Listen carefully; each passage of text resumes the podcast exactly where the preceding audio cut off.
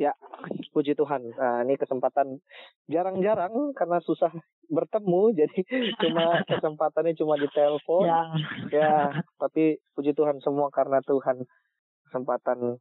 Nah, kesempatan kali ini mau sharing tentang melayani. Nah, sebelumnya awalnya itu apa sih itu melayani? Nah, boleh di-sharingkan Pastor Bim Bim? siap, siap, siap, siap.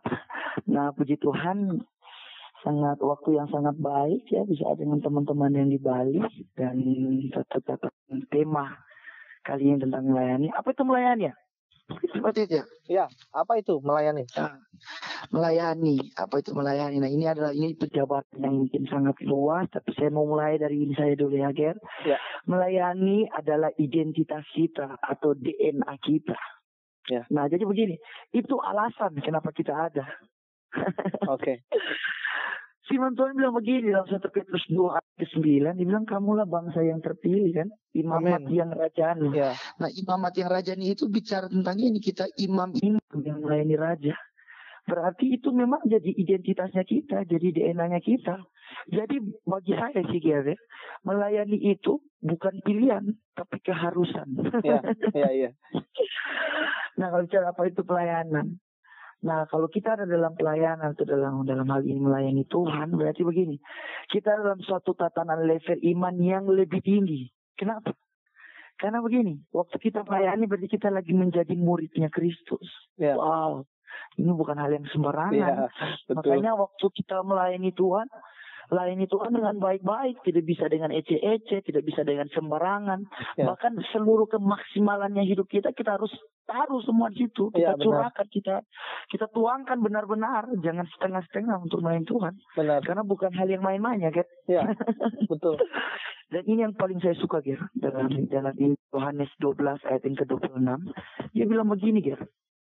Barang siapa melayani aku, ia harus mengikut aku. Dan di mana aku berada, di situ pun pelayanku akan berada. Dan Oh. ini yang paling powerful. Ya. Barang siapa melayani aku, ia akan dihormati Bapa. Ush, luar biasa kan? Iya. Berarti berarti waktu kita terjun di dalam pelayanan, kita dihormati oleh Bapa. Ini berarti bukan hal yang main-main ya. Iya.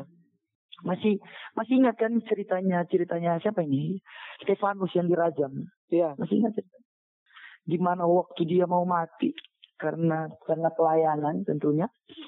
Dia melihat satu penglihatan dan dia lihat apa? Dia, Yesus berdiri ya kan? Iya, Yesus berdiri. berdiri oh, itu itu tanda penghormatan itu sama seperti kita kalau kita benar-benar di menang pelayanan dalam keseriusan kita tonjolkan kemaksimalan dalam hidupnya kita kita mau habis-habisan dalam pelayanannya itu kita lagi dihormati oleh Bapa. Nah, Ger, Oh. saya ada beberapa Ah. poin Oke. yang saya mau rindu bagikan tentang melayani Tuhan. Bisa kan? Boleh, boleh, boleh. saya saya saya berharap dan berdoa supaya teman-teman yang ada di Bali dan sekitarnya mungkin yang mendengarkan kita hari ini mendapatkan berkat yang indah Amin, tentang amin. Tuhan. Amin. Amin, amin.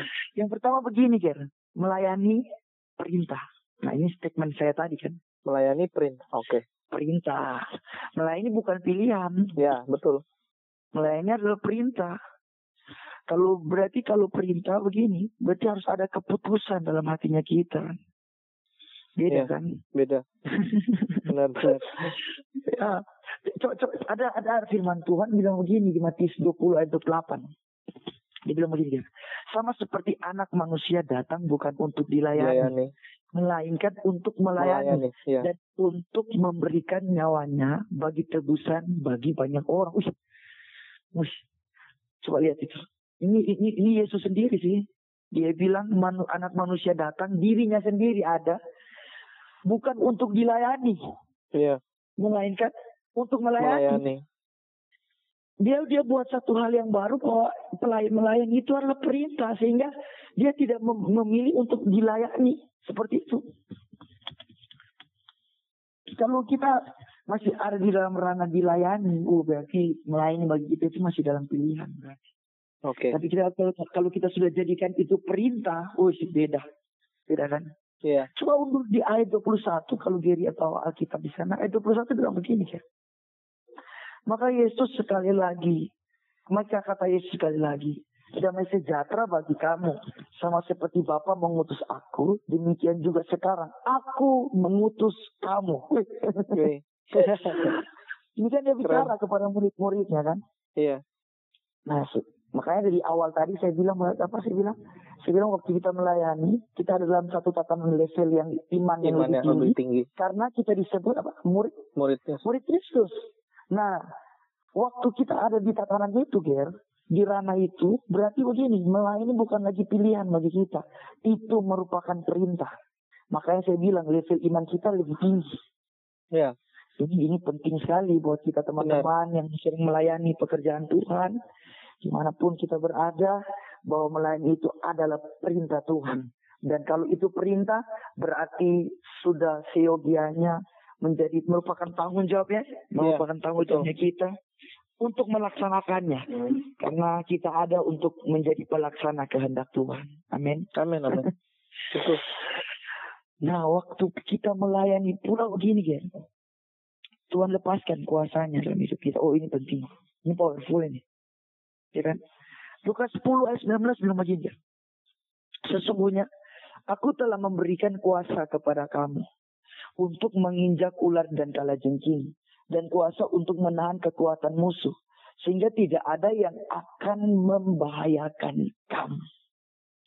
Ger, ayat ini teman-teman juga semua ayat ini membuat apa ya ada satu kepercayaan diri ilahi ketika kita melayani Tuhan.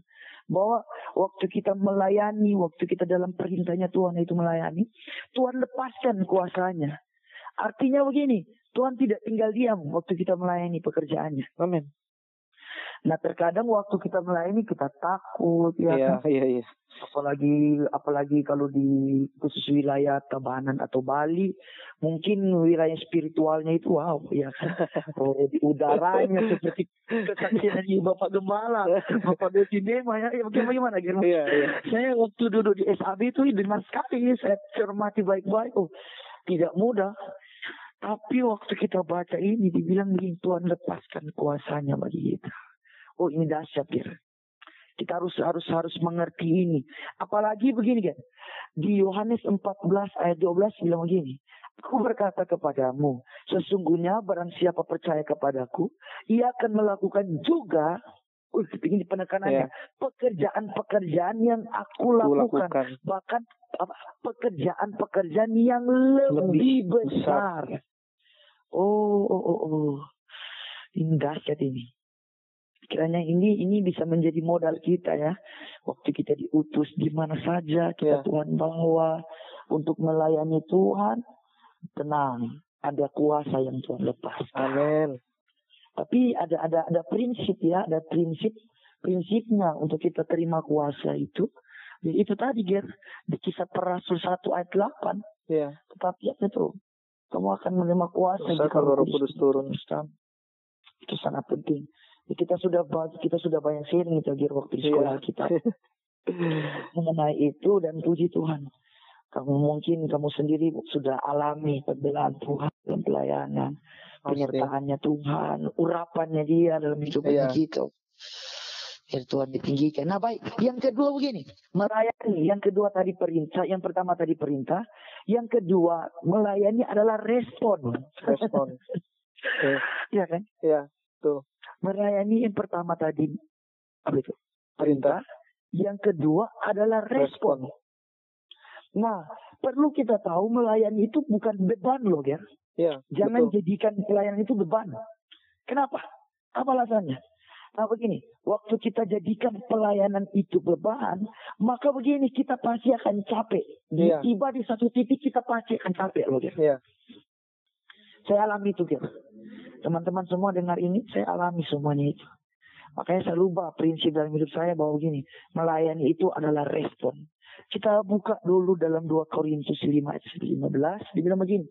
Dan Kristus telah mati untuk semua orang, supaya mereka yang hidup tidak lagi hidup untuk dirinya sendiri, tetapi untuk dia yang telah mati dan telah dibangkitkan untuk mereka. Wow. Kenapa saya katakan respon ya? Karena begini. Kenapa respon? Karena kita meresponi kasihnya Yesus dalam kehidupan kita. Amin. Kalau kita melayani dia, berarti begini, dia sudah lebih dahulu melayani kita. Iya. Jadi untuk pelayanan, untuk melayani kita yang namanya respon. Respon. Jadi sejauh mana pelayanan kualitas pelayanan kita begini, sejauh itu respon cinta kita dalam hidup Tuhan, dalam, Oke. dalam hubungan kita dengan Tuhan. Bisa bisa mengerti kan? Iya, iya, Bisa. iya. Jadi oh, saya ulang ya, Iya. sejauh mana kualitas pelayanan kita, maka itu sedalam kita mengasihi Tuhan. Sejauh kita membalas kasihnya Tuhan. Jadi kalau hari ini ada teman-teman yang masih biasa-biasa saja dalam melayani Tuhan, hanya karena rutinitas, ini, ini yang paling bahaya loh, Ger. Ini virus ini. Hanya karena jadwal, aduh, Aduh. Bahaya. orang Manado bilang, so boleh tinggalkan itu. Apalagi sekarang ya. pegang itu. Apalagi sekarang ya, lagi pandemi begini. Ya, aduh, apalagi ini pandemi kan. Makanya itu, jadi sejauh mana kualitas Ya. kita, responnya kita, aktualnya kita dalam pelayan, sejauh dan sedalam itu juga kasihnya kita kepada Tuhan. Jadi kalau mungkin ada teman-teman melihat atau Gary mungkin melihat dalam pelayanan ada yang hanya biasa-biasa, Ya. hanya karena rutinitas, hanya karena jadwal, berarti begini, hanya sejauh itu cintanya dia kepada Tuhan. Oke. Simple. Iya. Benar. Karena begini kan, cinta. Nah, ini ini ini anak-anak muda suka kalau bicara cinta ini. Karena cinta mengubah beban menjadi kesukaan. Amin. Jadi paham? Iya. Teman-teman mungkin paham yang nanti dengarkan. Sekali lagi saya ulang, cinta mengubah beban menjadi kesukaan. Ada nggak di Alkitab contohnya? Ada. teman. Ada. Masih ingat ceritanya Yakub dan Laban? Iya. ketika itu kejadian 29 ayat 20 bicara begini ya. Jadi bekerjalah Yakub tujuh tahun lamanya untuk mendapat Rahel. Wow. Tetapi yang tujuh tahun itu dianggapnya seperti beberapa hari saja. Iya. Aduh, luar biasa kan. Karena cintanya kepada Rahel. Wih, tidak main-main ya. Berarti, berarti tujuh tahun bagi Yakub itu hanya beberapa hari saja. Kenapa? Karena kenapa? Cinta. Cinta. Sama. Waktu pelayanan kita anggap itu respon yang dikarenakan cinta. Maka itu bukan lagi jadi beban bagi kita. Iya. Saya punya kesaksian loh, Ger. Ketika tamat sekolah kita tahun 2016-17 di sekolah kita Tentena di Poso. Waktu saya tamat, Ger, saya kira saya mau khotbah di KKR, Ya. dibawa ke mana-mana, Cile, begitu kan. Diundang naik pesawat ke, ke, ke luar negara lagi ekspektasi saya. Tapi apa realita yang terjadi? Saya harus di kebun selama satu tahun praktek. Itu sakitnya itu di sini loh. Kita santai ya. Eh, santai. Oh satu tahun ya, bukan main. Hanya hanya berjumpa dengan hewan, hanya berjumpa dengan burung, hanya jumpa dengan kebun ke isi-isi kebun. Ah, itu bukan hal yang mudah. Iya. Tapi begini, saya setel dengan prinsip yang baru bahwa melayani karena cinta semuanya terasa indah. Oh, amin. Dua tahun loh. Saya dipraktekkan hanya satu tahun kan. Iya, iya. Kalau kita, tapi saya tambah dua tahun. Itu memang itu petualangan yang luar biasa. Nah jadi itu biar kita kembali lagi. Melayani bukan karena beban. Jangan ada lagi melayani karena beban. Iya. Kalau kita melayani karena beban begini, Jer. Waktu kita dikecewakan di dalam pelayanan, kita kecewa. Betul. Tahu tidak? Iya. Kenapa kita kecewa? Karena begini, Jer. Kita melihat manusia. Iya. Karena waktu kita mulai kita mulai pakai kacamata beban, berarti kita melayani Tuhan karena sesuatu. Iya. Prestasi demi prestisi.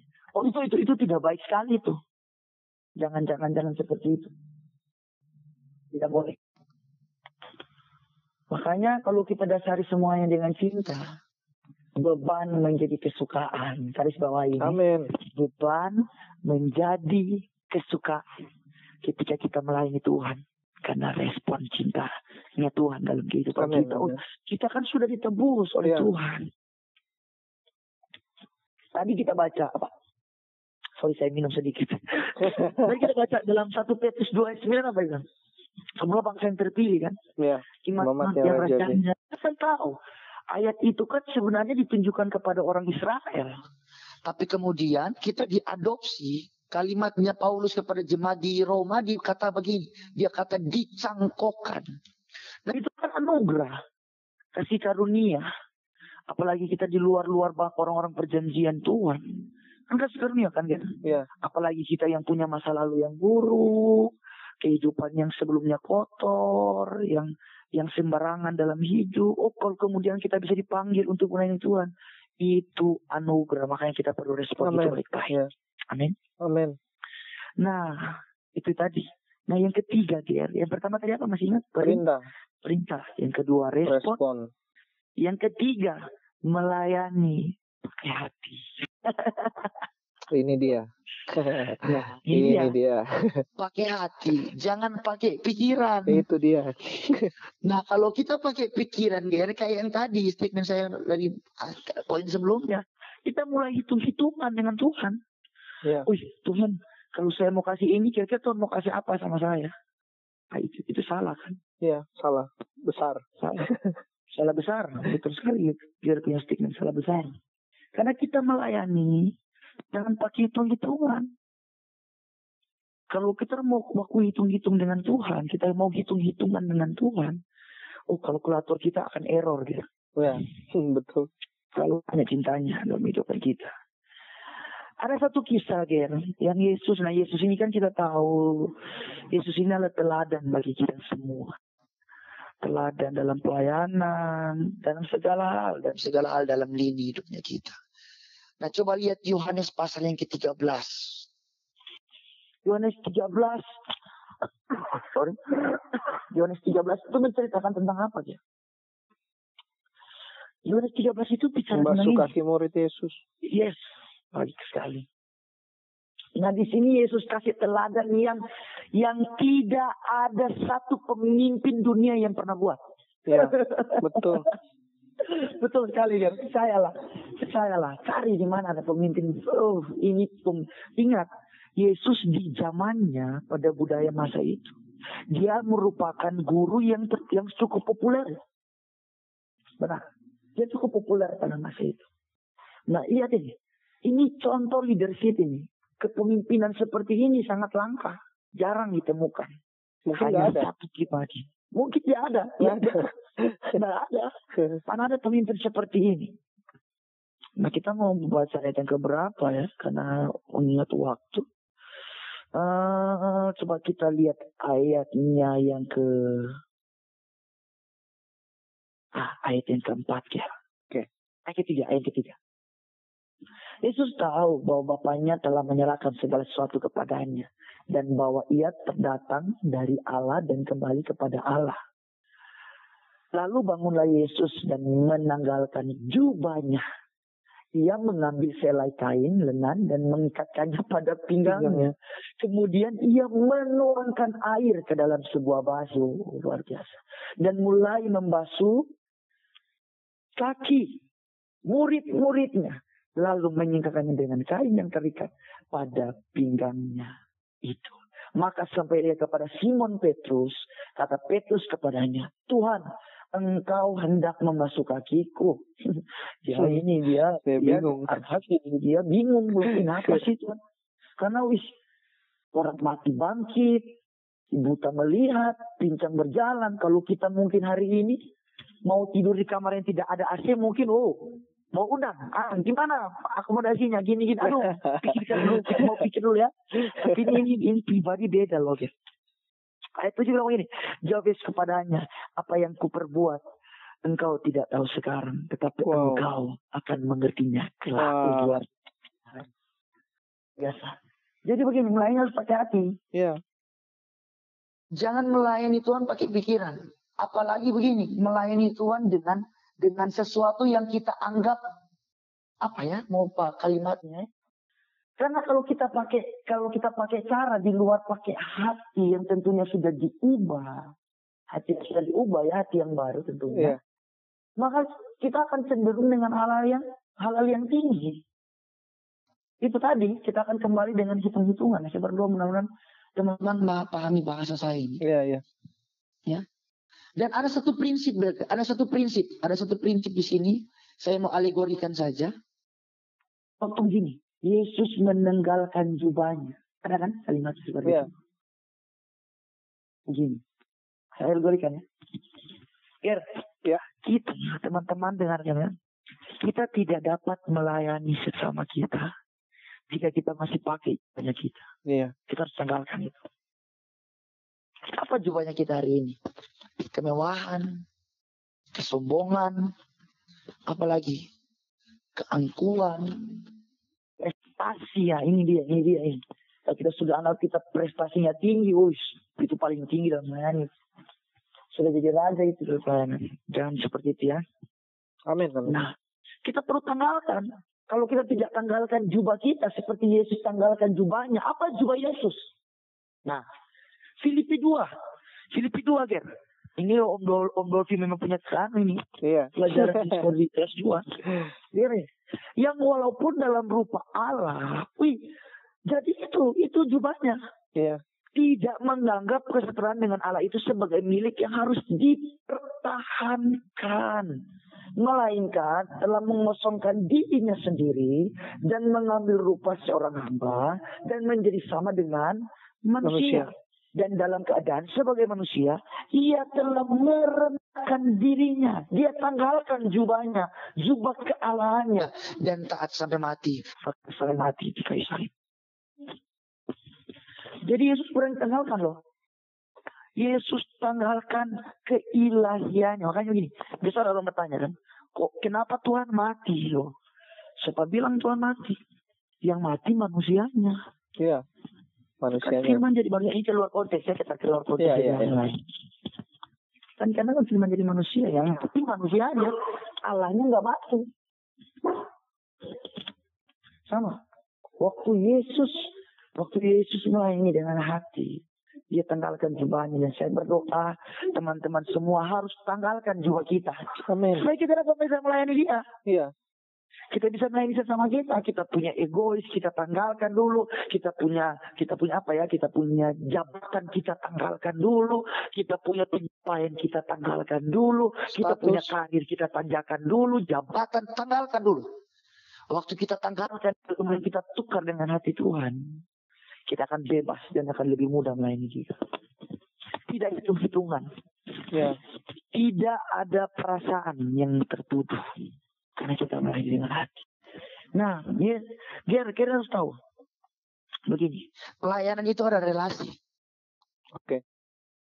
kan? Pelayanan adalah relasi. Coba perhatikan ya, waktu Yesus basuh kaki murid-muridnya, Ger, yang pertama begini, dia basuh kakinya Thomas, iya kan? Karena Iya. 12 murid gitu. Iya. Tahu siapa Thomas? Dia tahu loh Thomas ini yang tidak percaya, yang hanya mau melihat percaya karena ada bukti.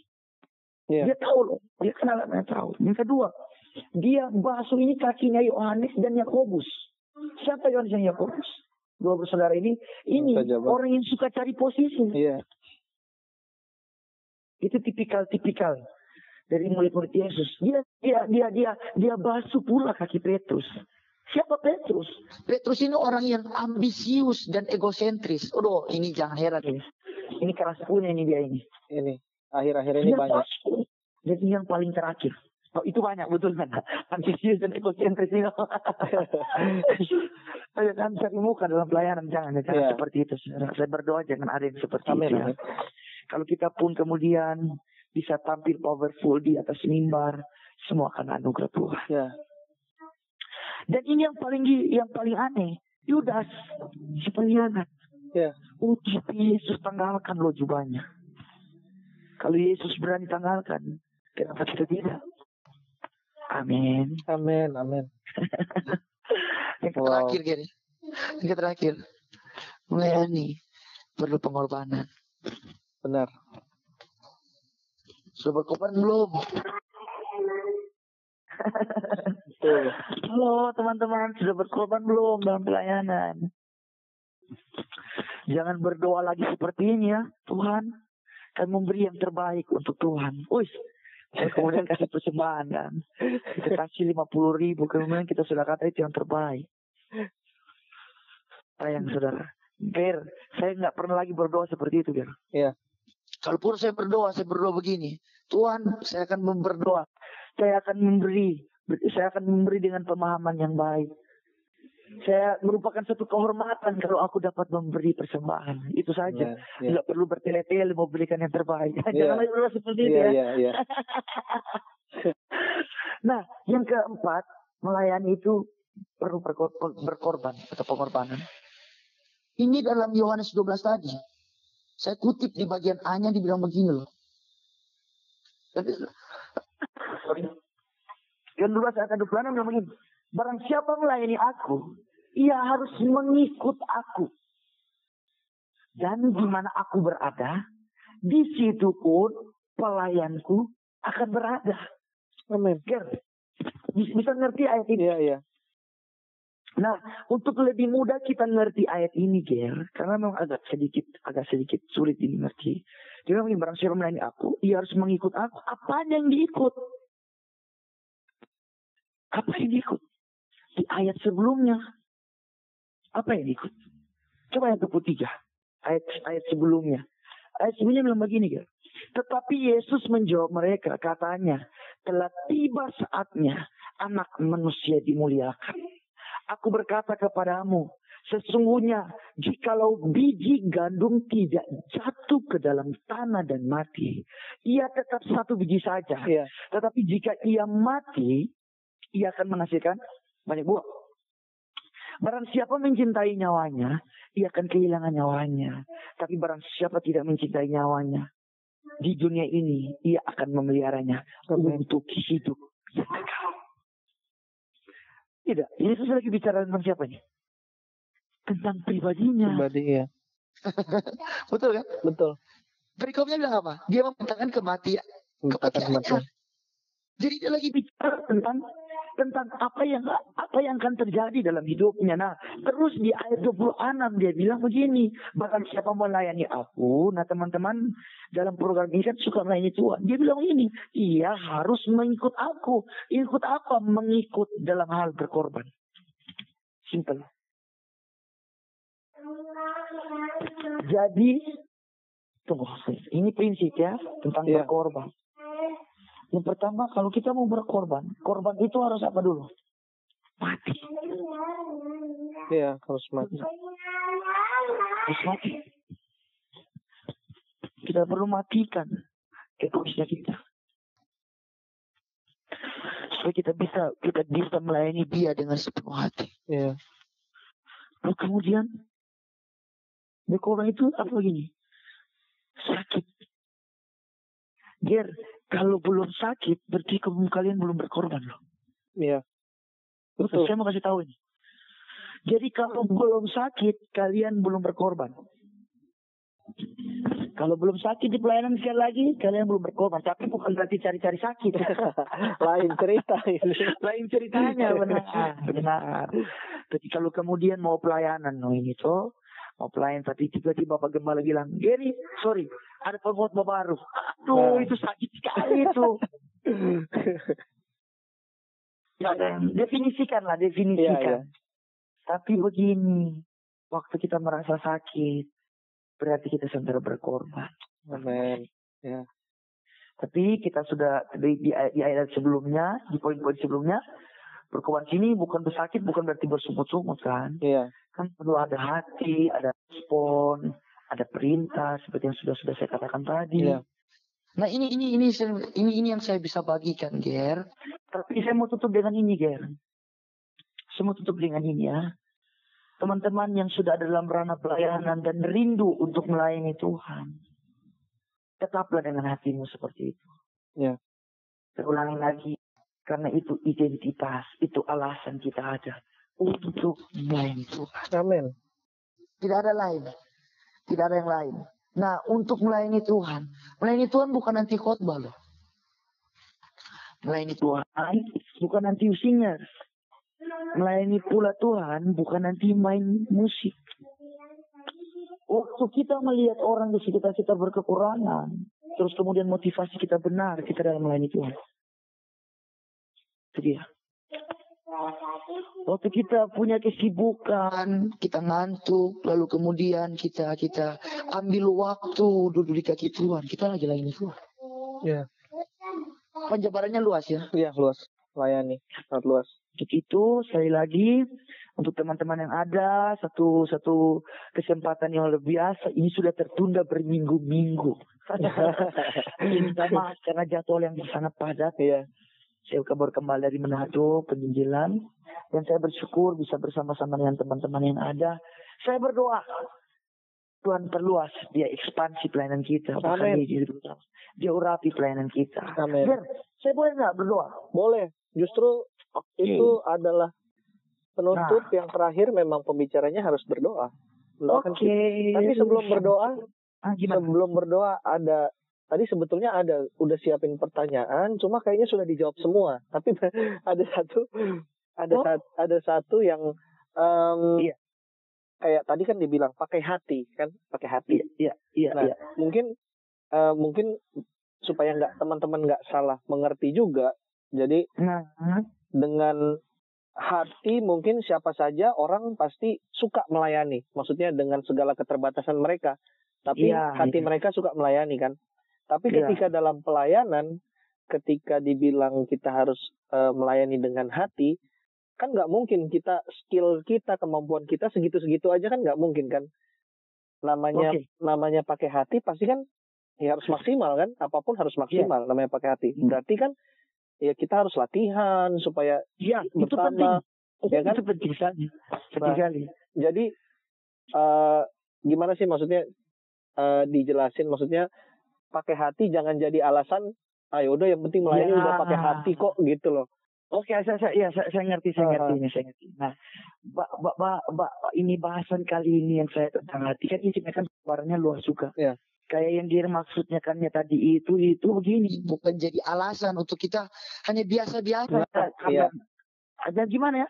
Kalau misalnya apa, oh nggak apa-apa, yang penting kan pakai hati. Iya. Itu salah juga. kan banyak yang seperti itu kan Banyak, bilang yang penting Itu- itu hatinya di lapangan. Ah, iya Jadi hatinya salah. Eh, Nah, ini saya bicara tadi ini bicara tentang sikap. oke Saya bicara tentang sikap. Sikap hati kita.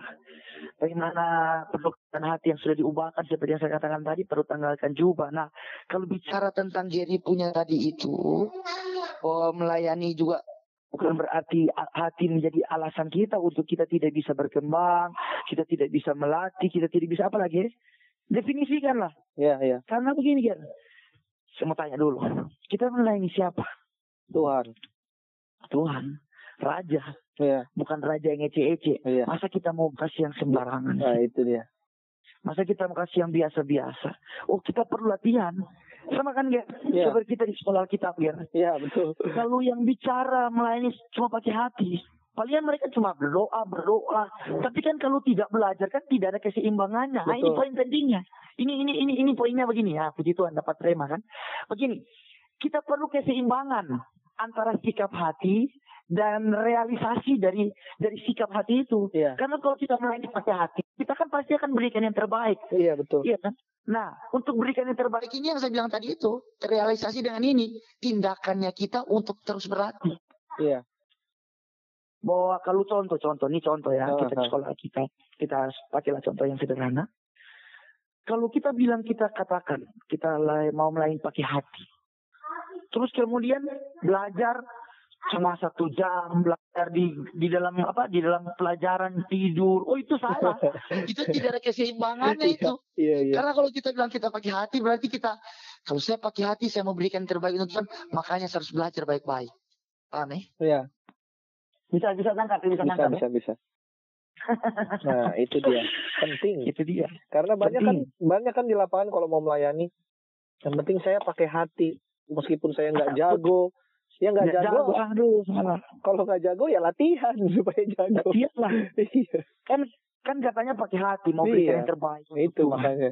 Masa kita Eh. mau kasih yang biasa-biasa Nah, untuk itu. Tuhan itu ya mudah-mudahan yang semua yang dengar ini ya kalau yang Amin. jadi alasan melayani pakai hati ya itu coba Yes. dengarkan teman-teman semua di sana dengarkan semua hati itu jangan jadi alasan untuk kita tidak melatih eh, skill kita justru Ya. skill kita harus bertambah karena kan melayani ya harus maksimal tadi kan dikatakan Maksimal. itu respon respon hati Ya, kan Respon, Nah, respon hati.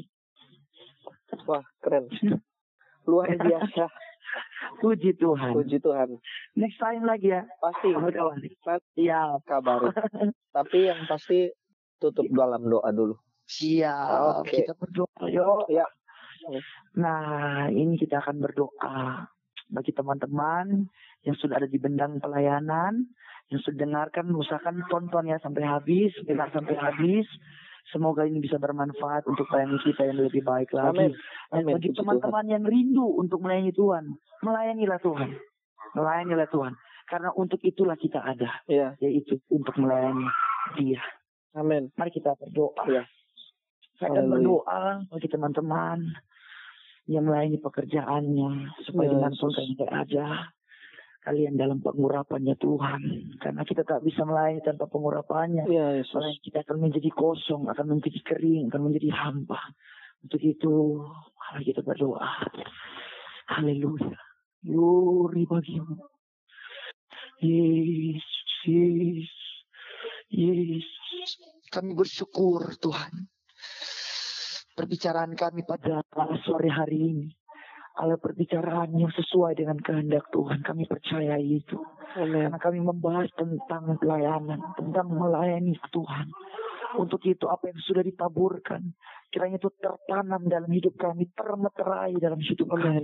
Itu bertumbuh berbuah supaya Tuhan kami melayani dengan hati yang baru, dengan tujuan-tujuan Tuhan dalam kehidupan kami. Kami melayani bukan pakai agenda kami, melainkan agenda Tuhan dalam Amin. pelayanan kami.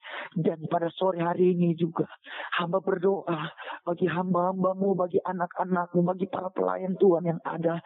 Mereka dalam benang pelayan, mereka butuh kekuatanmu, mereka butuh pertolongan Tuhan. Untuk itu pengurapanmu turun atas kehidupan mereka demi nama Yesus Kristus perlengkapi mereka.